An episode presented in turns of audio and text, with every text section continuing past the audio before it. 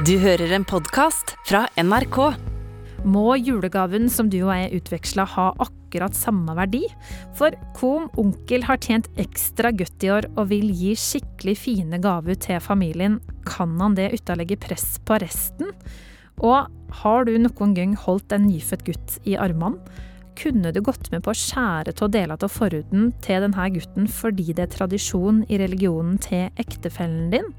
Det som hører på, har sendt inn dilemma fra hverdagen deres, og nå så er tre kloke folk på vei inn i studio for å gi råd. Lege Espen Ester Pirelli Benestad, programleder i Filmpolitiet Marte Hedenstad og skuespiller Asaad Siddiq.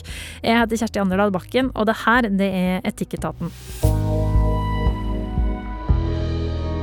Hei. Hei! Velkommen. Og Asaad er med også. Jeg er med. Hei, Espen. Hallo, du må si Espen Ester, for det er det jeg heter. Det står i passet. Akkurat. Espen Ester, hallo. Fint, hallo. Og jeg heter Marte. Hei, Marte. Assad, Espen Ester og Marte. Du, Espen Ester, hva hva er den viktigste tradisjonen for det på julaften? Å, guri malla, det er å synge julesanger. Eh, eller julesalmer, om du vil. Det, det vekker den store barnligheten i meg. Å, det er fint. Ja. Hvem feirer du jul med, da? Det er veldig forskjellig, for vi tilhører jo en av disse veldig mangfoldige familiene med noen skilsmisser og noen nye ekteskap og noen nye barn og sånn. Så vi bytter på, da. Og akkurat i år, 2021, for første gang, så skal Elsa og jeg være alene på julaften. Og det gleder vi oss til. Så fint. Ja. Veldig voksent. ja. Takk skal du ha. Det var på tide, 72. Marte, hva er den viktigste tradisjonen for det i jula? Eh, Det er rett og slett å se Tre nøtter til Askepott eh, på morgenen og spise julefrokost samtidig. Eh, Og eh, hvis jeg ikke feirer sammen med mamma, så må på en måte jeg ha mamma litt sånn på telefonen sånn når det begynner, og når det er ferdig. For å på en måte bare sånn Ja, nå begynner det! Har du sett det? Og så, det, er, det, er, det er det viktigste. Så det er, da er det helt krise, altså, hvis det av en eller annen grunn ikke blir trenert til Askepott. Det, det går ikke, rett og slett. Ok, Og det må være live. Det må være klokka 11, eller, ellers er det også krise. jeg lukter at du aldri har feira jul utenlands. Nei, men jeg har jo feira jul eh, hjemme hos uh, svigers, eh, for jeg er jo gift. Og husker første året jeg feira jul hjemmefra. Eh, det var eh, litt eh, tøft, og da var det sånn Men alle mine tradisjoner som er de viktigste, nå, nå, er jo ikke, nå er det ikke det som gjelder lenger. Og da hadde jeg lite sånt, en liten eksistensiell krise, men det gikk bra, og jeg har lært å på en måte eh, ja, svinger på en måte liksom i takt med de som er rundt meg også. Bortsett fra den der Askepott-greia, da. Den er veldig viktig. Det er fint. Eh, Assad, eh, hva er den viktigste tradisjonen for deg i jula? Mm, jeg er jo norsk-pakistaner, og tradisjoner er viktig for meg, så det blir jo det å drikke meg driting så banke kona. um, Nei, utenom det så er det Jeg har, jeg har en femåring, da, så for meg så har det viktigste de siste årene vært å være en god julenisse. Um, jeg elsker jo å henge opp en strømpe på peisen og alle disse de tingene man kan gjøre som skaper en illusjon. da. Eh, nå har jo han begynt å bli såpass stor at han begynner å gjennomskue ting, men, men bare det, altså for, for meg så handler jula om barneglede, først og fremst. Eh, Så jeg lever mye gjennom han i den perioden. Tar du liksom fram skuespilleren i det når du er nisse, og går liksom all in, eller hvordan er det? Du vet, Det er ingen som blir profet i eget land, så jeg blir gjennomskua uansett hva jeg gjør. Sist, I fjor så måtte jeg faktisk ty til en nabo, eh, for han holdt på å avsløre meg året før. Eh, Men så klarte vi å holde liv i den illusjonen ved å bare få inn en annen fyr i fjor. Så han tror faktisk fortsatt på julenissen. Så om ikke jeg klarer å utøve det sjøl, så har jeg i hvert fall kløkt nok til å, å rigge det opp. Så det funker enn så lenge. Godt med gode kontakter. Vi har også et eh, fast spørsmål her i eh, Etikketaten, og det er eh, hvor det befinner dere i truslandskapet. Espen Ester, Ja, det er jo et godt spørsmål. Jeg har jo vært andaktsholder opptil flere ganger. Og i en av de andaktene så sier jeg at eh, jeg har gjort iherdige forsøk på å slutte å tro på Gud, men aldri fått det til. Så jeg er i grunnen der. Eh, jeg har ikke så, jeg syns ikke så mye om religionene, for jeg syns de byråkratiserer åndeligheten. Men utover det så har jeg et forhold til Gud. Marte. Jeg er ikke religiøs. eh, og så er jeg litt sånn Jeg vet ikke helt om jeg tror på noe, men så klarer jeg ikke helt å ikke tro på noe heller, hvis du skjønner. Så jeg er litt mer sånn åpen for at det fins noe mer mellom himmel og jord. Eh, men Og veldig skeptisk. Så jeg er på en måte et sted litt midt imellom, kan du si. Litt spennende plass å være og finne fasiten også. Ja, absolutt. Eh, hva, hva, er det man kaller det? Eh, agnostiker, kan jeg kalle meg det? Ja, mm, jeg, får si, jeg, får si, det. Fint ord. Eh, Assad? Nei, jeg har trua, jeg. Men jeg, jeg syns både Espen Ester og Marte sa egentlig mye av det jeg tenker sjøl. Eh, jeg har nok kanskje vært litt sånn i opposisjon til eh, religion og guder og sånn eh, de siste årene. Men jeg har, jeg har full både respekt og forståelse for de som, som tror. Og jeg har jo også kanskje en åpen tilnærming. Jeg har en, har en jeg holder på en måte bakdøra åpen, men det er veldig viktig for meg å ikke la det styre livet mitt, og at det er liksom det humanetiske og, og menneskelige verdier som på en måte styrer hverdagen min. da. Men kaller du det muslim, eller? Ja, For det første må jeg si at jeg syns muslim høres så skarpt ut. Jeg, jeg uh, syns jo det er mye hyggelig å si muslim. uh, ja, det var bare en sånn distinksjon som jeg har uh, kjent på. Men, men jeg, Altså muslim, det lær oss ja. det der. Ja, for at denne eh, slyden, den, den, ja. den, den, føres nesten litt sånn fiendtlig ut. Islam og muslim. Det er som å si kristen. Liksom, det er jo kristen, og det er muslim og islam. Men det er bare en liten presisering, så det er ikke viktig. Altså, men jeg bare når vi først snakka om det, så tenkte jeg ikke nevne det. Men, men jeg, har, jeg, har, jo hatt en eh, muslimsk oppvekst og har foreldre som er veldig eh, tro mot, eh, mot religionen. Eh, så jeg, har, jeg kan på en måte ikke fraskrive meg eh, alt, men, men jeg har, har, nok blitt litt moderat, da. Mm. Så jeg prøver på en måte å få med meg de gode tingene. Eh, det som kan gjøre både mitt og andres liv lettere og bedre, men jeg er, ikke, jeg er nok ikke så uh, firkanta at jeg må leve etter de ja, retningslinjene til punkt og prikke. Da eh, har vi blitt litt mer kjent med Nikon. Eh, Marte Hedenstad, SP-mester Pirelli Benstad og Assad Siddiq. Eh, vi skal i gang med å gi råd til deg som har sendt inn etiske dilemmaer fra hverdagen sin til oss, på e-post til etikketaten krøllalfa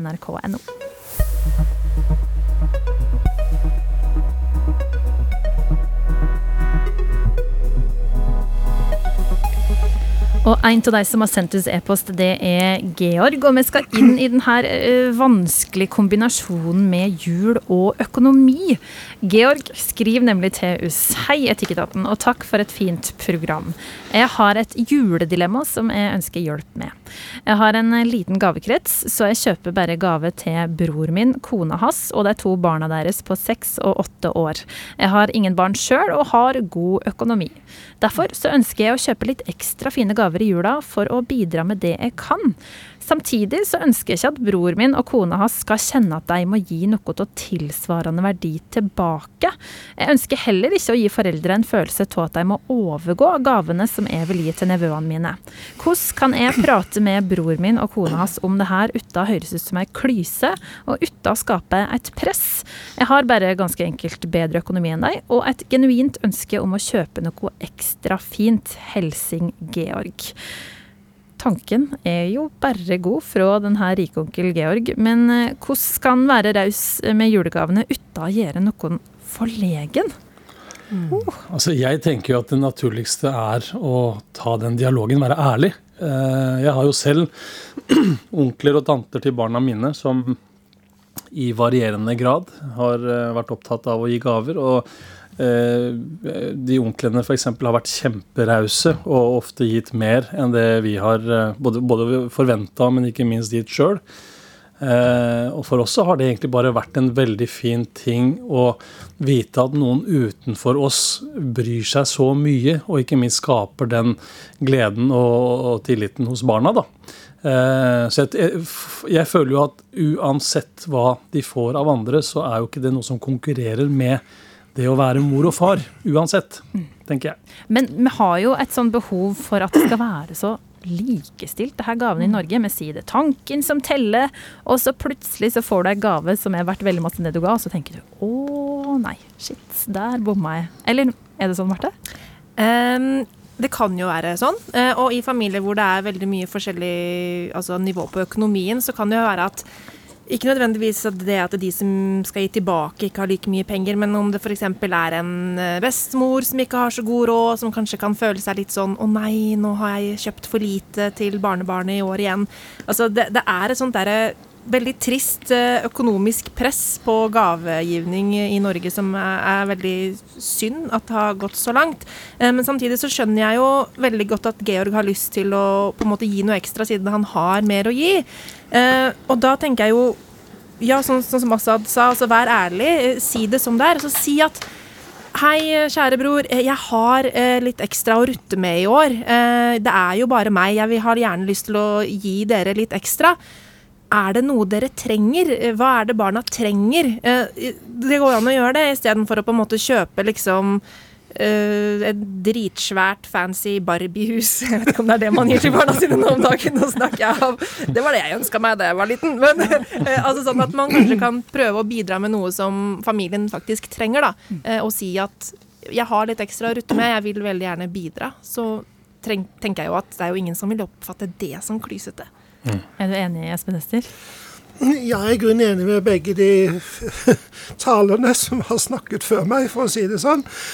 Det som jeg tenker litt på, det er jo at denne rikebroren tilskriver jo sin bror eh, egenskaper som han ikke nødvendigvis har. Det kan jo godt være at han har romslighet til å si at OK, heldigvis så har vi en rik bror her, og han har bare også å gi ting til, så vi sier tusen takk. I tillegg til det så vil jeg tenke hva trenger ungene? Og i våre dager så pleier ikke ungene å trenge så veldig mange nye leker, når sånn skal sies. Jeg skal ikke si noe på vegne av Georg sin bror, men det er iallfall det vanlige. Jeg vil anbefale han å sette penger i bankene på en det blir en nevø- og eller nesekonto, slik at de kan bruke de pengene de virkelig får bruk for dem. F.eks. sertifikat, utdanning, bolig, alt sånn. Mine foreldre gjorde det. Vi gjør det. Og vi syns det er en veldig, veldig fin ordning. Og så får eh, ungene koselige, ikke nødvendigvis veldig kostbare ting til jul, som de også blir glad for. Men ville du da skrive noe ekstra på kortet eller tatt en samtale i forkant om at uh, her har jeg litt til overs og vil bidra? Ja, det vil jeg absolutt gjøre. Og, og lage, for dette vil jo være veldig godt for denne familien å vite at ungene har litt mer å gå til enn de ellers ville hatt. Mm. Ja. Jeg er helt enig. Jeg, si, jeg også syns jo at ungene får altfor mye om dagen. Og jeg har sett noen tendenser hjemme hos meg sjøl også på at det ikke nødvendigvis er så bra. For da må man hele tiden drive og overgå seg selv fra år til år. Ja.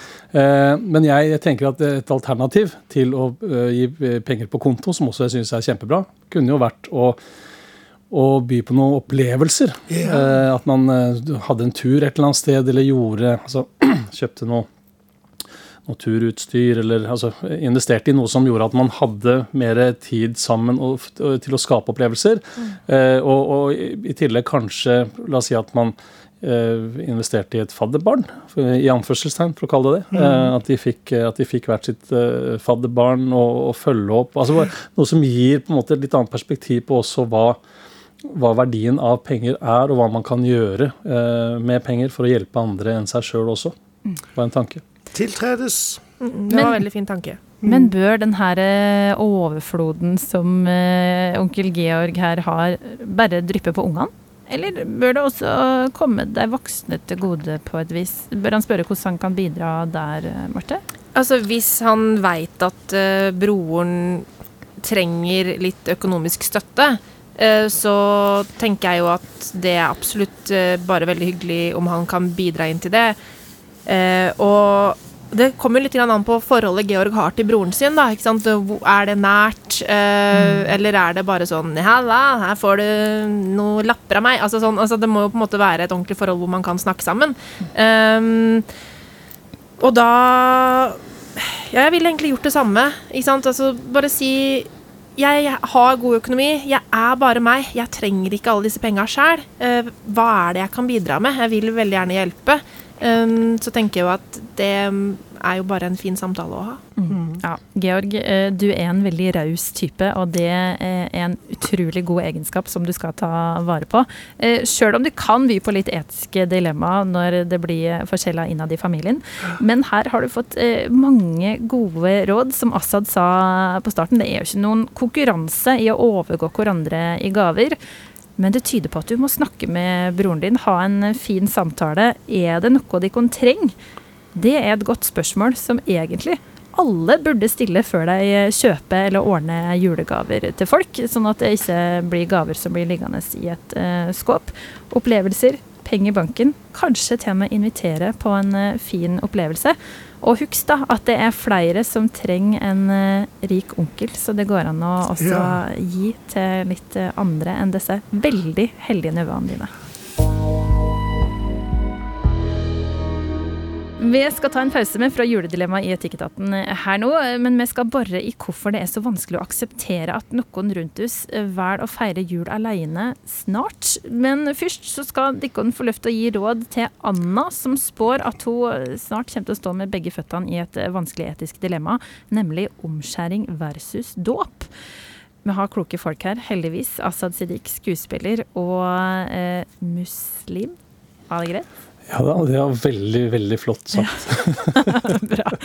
Espen Ester Pirelli Benstad, lege og professor med spesialisering i sexologi, og det ser veldig godt med nå. Eh, og Marte Hedenstad, programleder her i NRK. Anne skriver altså det her Theus på e-post til etikketaten krøllalfa nrk.no. Hei, jeg er gift med en muslimsk mann, men har vokst opp som kristen. Jeg har vært klar overfor mannen min om at hvis vi får en sønn, så skal han ikke bli omskjært. Samtidig så vil jeg egentlig at ungen vår skal ha en kristen dåp. Men kan jeg nekte mannen min det muslimske innvielsesritualet samtidig som jeg gjerne vil gjennomføre det kristne?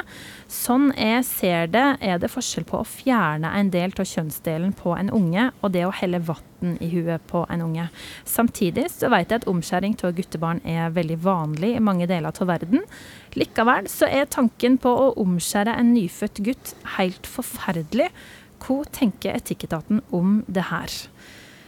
Ja, det her er jo snakk om to religiøse ritualer, men, men kan en likestille omskjæring og dåp, eh, Assad? Hva tenker du om det?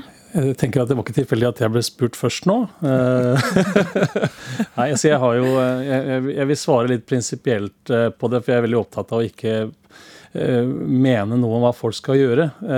Og det er viktig for meg å, å ha en, en ramme rundt det som gjør at alle involverte er enig. Altså, eh, det er så lett å mene noe utenfra om hva andre skal gjøre, men, eh, men, hovedpoenget mitt er at i et ekteskap så er det jo de to voksne som må finne ut av hva de er komfortable med. Så for meg så er det ikke noe rett eller galt her, eller hva som på en måte er mulig eller ikke.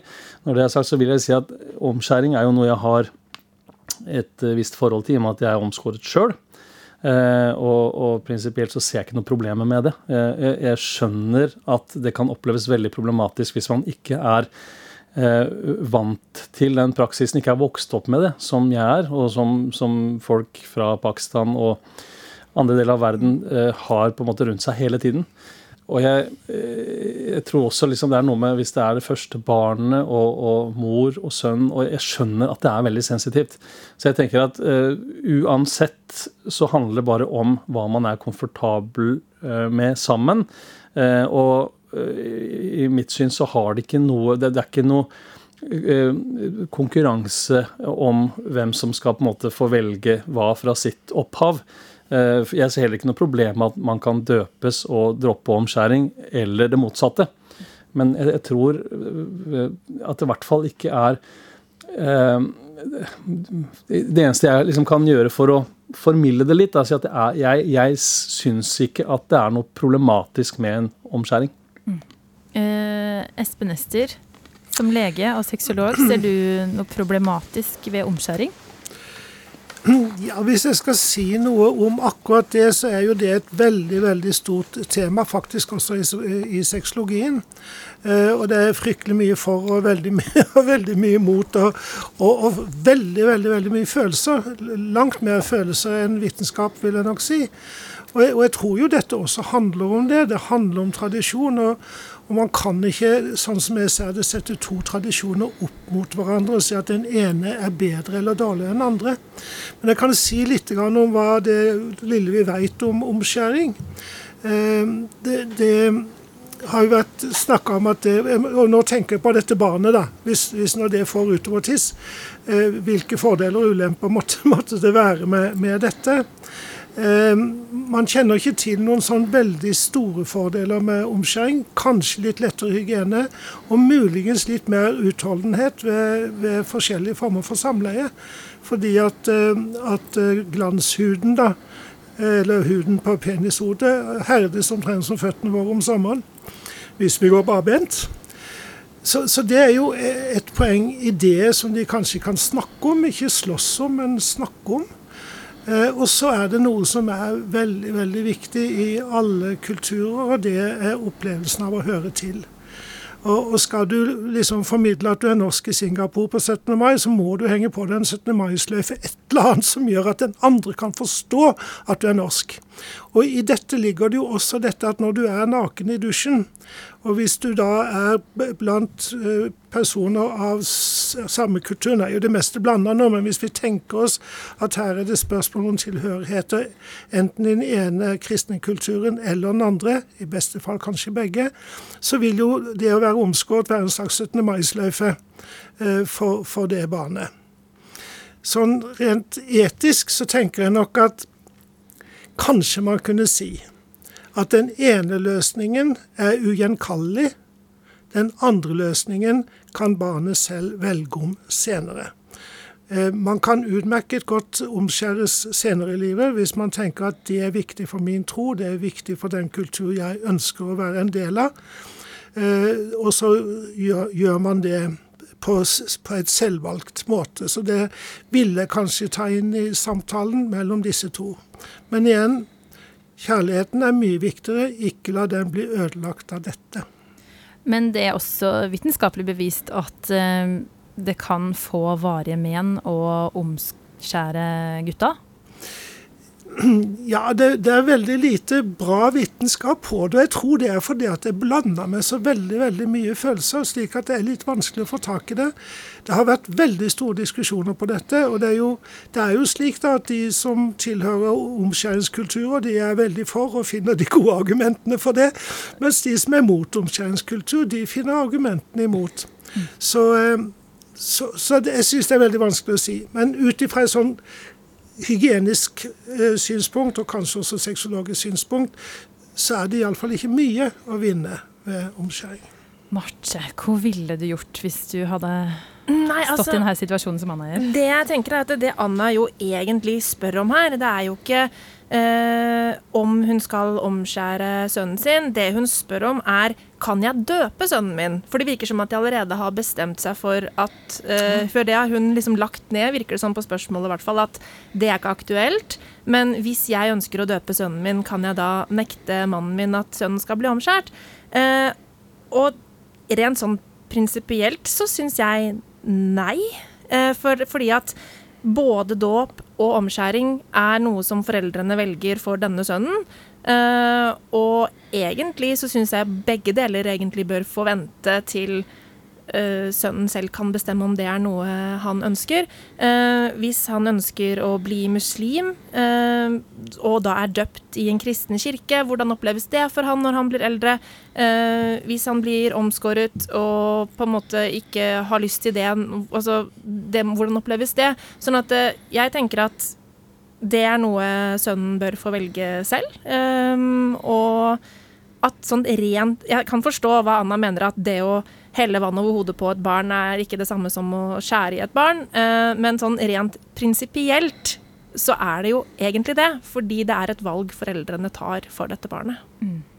Vel talt. Ja, helt enig. Og med, med si, det viktigste her, tenker jeg, i hvert fall når man kommer fra to så ulike uh, si, ståsteder, er jo å ha snakket ferdig om mm. veldig mye av dette her før man går så langt at man får barn. Mm. Og jeg vil jo si, altså det, Et råd som jeg gir til mange som går inn i et nytt forhold, er jo at jeg, jeg vil jo anbefalt folk å starte med parterapi heller enn å vente til man støter på et eller annet som gjør at man ikke klarer å snakke godt sammen. Mm. Så, og dette tror jeg er litt sånn man, når man er forelska og ser for seg si, et, et, langt liv sammen, så, så, har man en litt åpen tilnærming og tenker at alt ordner seg, men det gjør ikke det. Og disse tingene her har nok en tendens til å forplante seg veldig dypt i, i forholdet på en måte som gjør det veldig vanskelig å, å rydde opp i ting senere. Så jeg, jeg ville i hvert fall vært veldig opptatt av å ha en helt klar formening om hvor man kan møtes uh, og, og, føle at begge sider er ivaretatt. Mm. Men altså, du er sammen med en, en eh, norsk eh, kvinne ja, en, og har, har ja. barn. Uh, riktig? En, en, en, hvit Jeg er jo norsk, jeg òg, men hun er hvit. Rosa, vil jeg si. du er sammen med en, hvit kvinne og kommer fra forskjellige kulturer. Ja. Eh, det er riktig å si. Eh, Nå høres jeg som skikkelig sånn semantiker og politi her, er ikke det, altså, men jeg bare syns det er ålreit. For jeg, jeg, har, jeg, har, selv sagt det. Eh, når jeg møter folk, så er det veldig mange som bare antar at jeg har en norsk-pakistansk kone. Så jeg har sagt det. Jeg har en norsk kone. Og da fikk jeg påpakk her eh, forleden, faktisk. At ja, men du er jo norsk, du òg. Kan mm. ikke si ja, det. Ja, det er kjempebra at du tar oss på det. Sant, Espen Ester? Du tar oss på når vi bruker feil pronomen. Og ja, det må vi skjerpe oss på. Det må vi. Og så syns jeg vi skal slutte å si at vi er hvite. For hvis vi er hvite, så betyr det at vi har alvorlig blodmangel og, og eller er døde. Ja. Og, og, og, det måtte Nelson Mandela til å få meg til å forstå at vi egentlig er ganske rosa. Ja. Du kan si sånn, Hun har den privilegerte hudfargen hudfargen, da. Kanskje det, ja, det, det, dessverre så er det sånn. Men den rosa kona di ja. Nei, men Dikon har også eh, felles barn, og har jo stått i det her sjøl, sant? Mm. Valget mellom eh, omskjæring eller Nei, jeg vet ikke om dåp var med i, eh, i, i den potten der, jeg. Nei, hun er ikke personlig kristen, så det har aldri vært et tema. Eh, kan jeg spørre hvor de endte opp med, eller hvordan de diskuterte det her med omskjæring? For det var sikkert vanskelig? Ja, det var veldig vanskelig altså både for henne og meg. Eh, det viktigste var jo for henne å få en verifisering av fagpersonell. Eh, altså leger og, og, de innenfor vitenskapen som kan si noe om eh, konsekvenser og omfanget av en sånn, eh, et inngrep som det der. Eh, og hun ble vel ganske betrygget av at, det, at dette er en såpass eh, kjent og, og, vanlig praksis f.eks. I, i USA. Eh, mm. For det, av en eller annen grunn så blir det alltid sånn Uh, hvis, hvis, hvis, det, hvis, det, er noe hvite mennesker i, i, altså i den vestlige delen av verden uh, aksepterer, så, så, har man mye lettere for å akseptere det enn om man tenker at dette er en muslimsk skikk. Uh, det er faktisk 50% av guttebarna som blir født i USA i dag, som er omskjært. Så ja. tallet er høye. Og det er jo egentlig ikke noe religiøst grunnlag for det. Det er basert på en tradisjon at det gjør man bare, liksom. Ehm, så, så, ehm, og, det, og, det, er jo nettopp det at den, den, viktigste epidemiologiske undersøkelsen man kan gjøre, det er å utføre noe på noen hundre millioner mennesker og se hvordan det går. Og hadde dette gått fryktelig dårlig, så hadde man slutta med det for lenge siden. Så, så det er noe med å se det, at det ligger veldig mye empiri i tradisjonen, fordi at den er så utbredt. Det er derfor jeg sier at det, det, det er kanskje ikke så mye å vinne, men, men det synes ikke å være så veldig mye å tape heller. Så derfor blir samtalen på et annet nivå, tenker jeg, enn det rent medisinske. Mm. Så hvordan endte Visa Assad? Eh, for min del? Mm. Altså, jeg er ikke så glad i å utlevere meg selv på den måten. Jeg kan si at eh, vi Jeg ville aldri ha uh, gått inn for noe som jeg visste gjorde henne ubekvem, uh, for det vet jeg ville ha bitt meg i halen. Uh, men, men jeg, jeg, jeg, nå har jo vi vært sammen i snart 30 år. Koselig. Uh, og, og, for meg så var det veldig viktig tidlig å, å, ha avklart en del forutsetninger for at vi kunne ha et langt liv sammen. Mm. Uh, og det, det, samme gjorde hun. Og jeg, jeg har nok kanskje vært veldig Kanskje mer opptatt av å tenke så langsiktig som jeg har gjort, enn det veldig mange andre gjør. Men det har også Eh, skånet oss for en del ting, da. Eh, for jeg tror det er veldig vanskelig for de fleste å se for seg hvilke utfordringer man kan ha i et ekteskap før de faktisk eh, inntreffer. Så, så, den dialogen vil jeg si kanskje er det, det, er det viktigste uansett. Og for meg så finnes det ikke noe fasit på dette her. Så lenge de to kan finne en løsning som, som, som føles grei for begge, begge to, så, så, er det det som er riktig, syns jeg. Jeg kan kanskje føye til at jeg er også familieterapeut og har jo jobba mye med par. Uh, og jeg er så enig med deg altså, i at egentlig så skulle familierådgivningen foregå før man gifter seg. Uh, fordi det, det, sies jo ofte at det er så altfor lett å skille seg uh, i våre dager. Jeg vil heller si at det er altfor lett å gifte seg med feil person. Ja. Og, og, så går det som det må gå, liksom. Så det å gjøre det, det ville være en, en Jeg vet ikke om det er gjennomførbart, men det er en sabla god idé. Litt som en tannlegetime. Ja. Stikk til parterapeuten. Ingen hull. Ingen hull. ja, det er kjempefint. OK, Anna. Du skal ha så masse skryt for at du tar opp det her før du sitter i problemet. Før du har en stor mage og har en gutt der som de kan må ta det her valget for. Um, og det å ta valget for uh, Marte her snakka om at prinsipielt så er det kanskje det samme med dåp og, og, omskjæring. Det må du kjenne på. Altså, det er veldig vanskelig å oppsummere egentlig den samtalen vi har hatt. Fordi maken til kloke folk og kloke tanker rundt det her med, med omskjæring og dåp og ritualer. Jeg må bare si um, ta notater, egentlig. Hør på det her. Ta en god samtale. Og så skal vi kanskje alle ta og booke ut den timen i parterapeuten for å ikke uh, være for seint ute. Eller hva sier du, Espen Ester? Ja, det, det syns jeg er en god idé. Eh, nå er det jo synd at alle sånne ting har så lett for å bli profesjonalisert. Eh, men, men eh, det er også noe som heter venner og sånne folk. Og det å, å liksom åpne opp at nå har, jeg, nå har, jeg, truffet det som jeg tror er kvinnen eller mannen eller transen i mitt liv.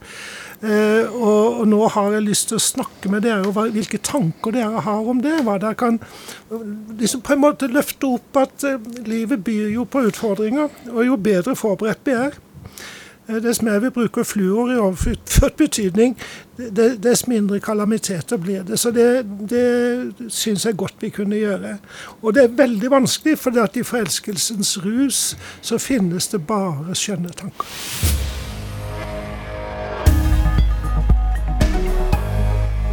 Vi skal tilbake til de etiske hverdagsdilemmaene som det som hører på har eh, sendt inn. Og eh, hvis du som hører på vil sende oss et dilemma som du står i, så er e-postadressa vår etikketaten krøllalfa nrk.no.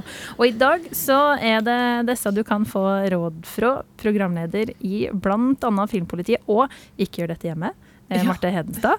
Og skuespiller Asaad Siddiq. Og Espen Ester, lege og professor. Nå skal vi inn i noe som er nokså tabubelagt, og det er Hilde som skriver Intus. Hei, jeg har alltid vært glad i jula. Da mannen min døde i 2005, så ønska jeg å feire den første jula alene i huset som jeg brukte å leie inne i skogen.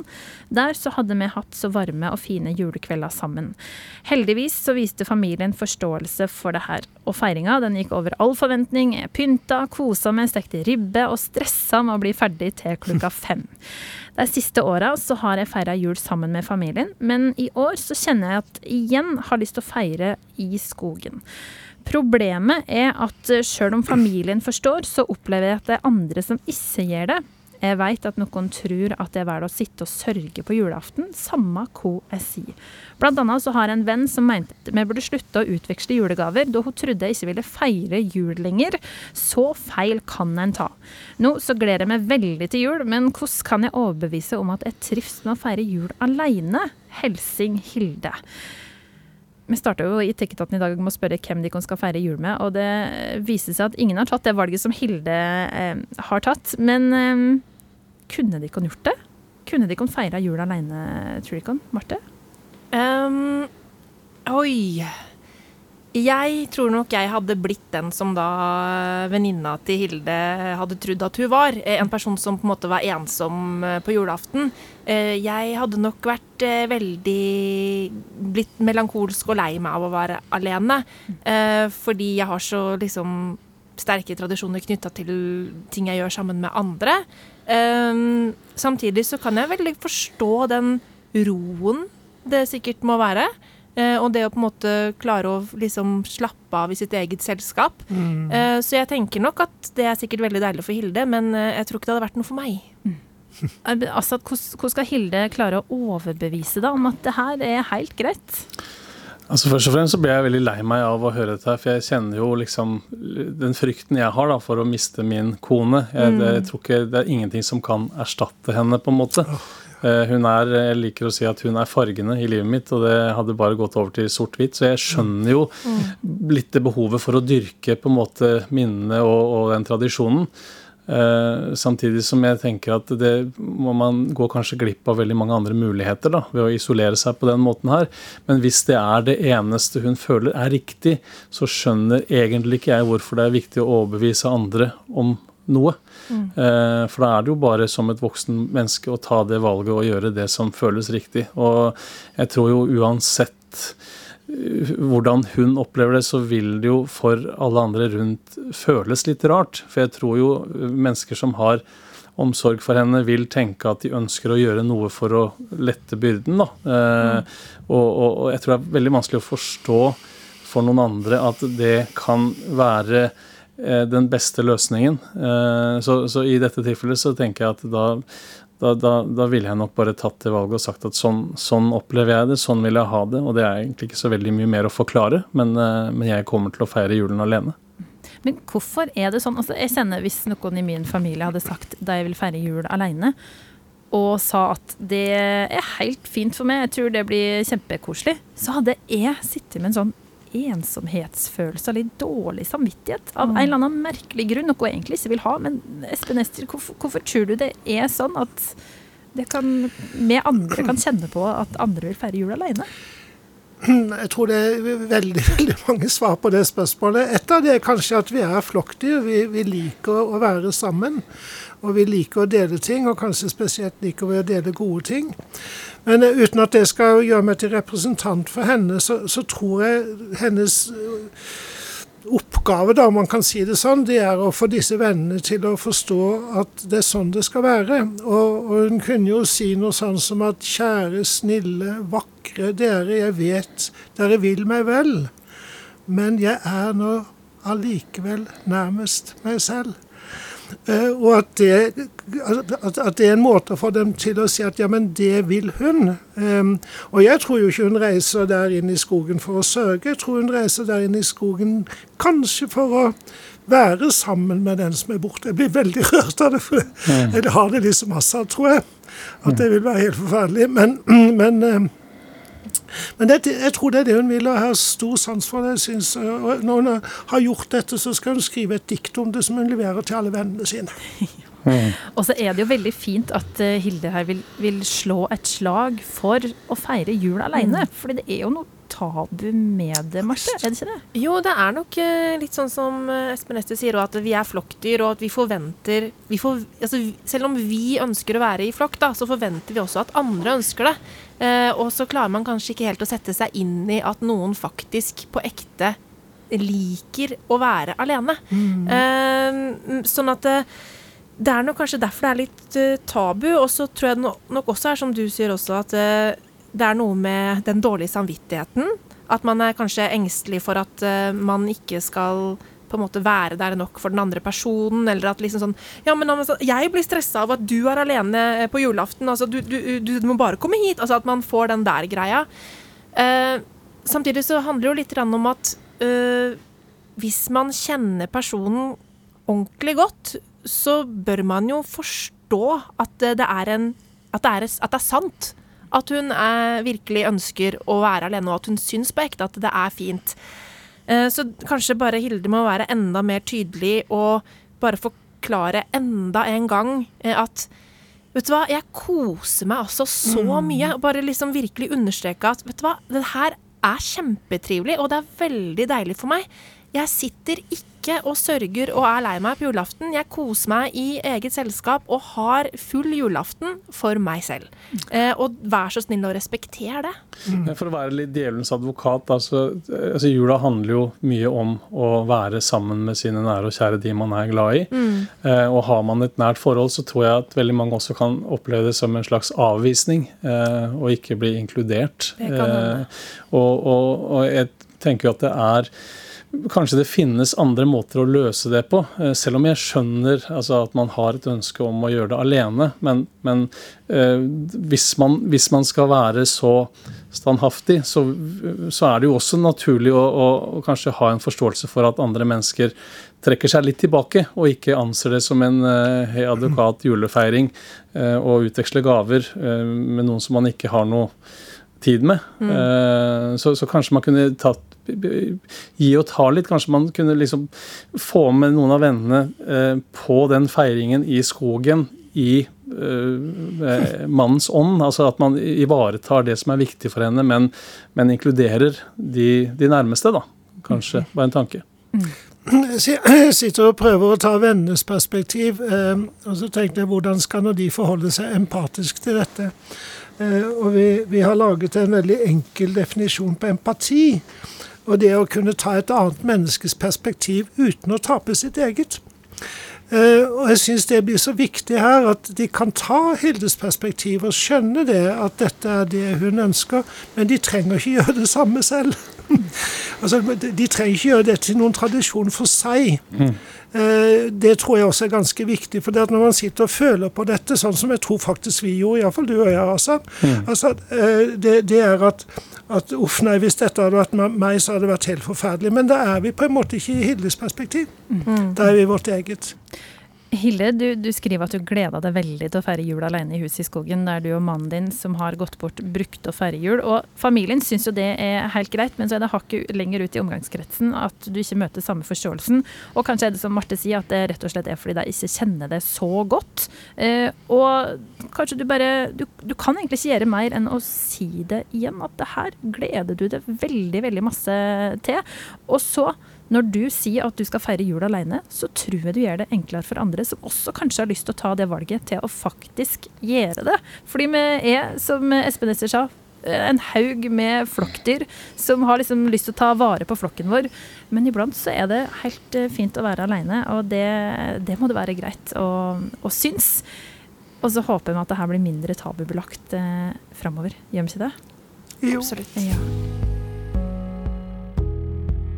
Det var det vi rakk i Etikketaten eh, i dag. det. Eh, Tusen hjertelig takk til Dikkon dere for at det kom. Asad Siddiq, eh, skuespiller altså, programleder Marte Hedenstad og lege Espen Ester Pirelli Benestad. Eh, Neste uke er vi tilbake med tre andre kloke folk som gir deg råd om hvordan du kan løse etiske dilemmaer fra hverdagen. Og hvis du har et eh, dilemma til så skriv gjerne til på e-post til etikketaten krøllalfa nrk.no. Jeg heter Kjersti Anderdal Bakken, og husk da at du kan høre Etikketaten hvor torsdag klokka tolv i NRK P2, og da når som helst som podkast i appen NRK Radio. med høyrest. Du har hørt en podkast fra NRK. De nyeste episodene hører du først i appen NRK Radio. En podkast fra NRK. Hei, jeg heter Marie Hammerstrøm og er astrofysiker. Visste du at jorda kommer til å gå under en dag? Hva gjør vi da? Jeg heter Andreas Wahl. I Burde vært pensum skal jeg dele min kunnskap med deg. Kunnskap som kanskje får deg til å tenke litt annerledes på ting. Hei, jeg heter Sofie Høgstøl og er jusforsker. Visste du at en halv million nordmenn har lærevansker? Jeg er en av disse. Er du også? Podkasten Burde vært pensum hører du først i appen NRK Radio.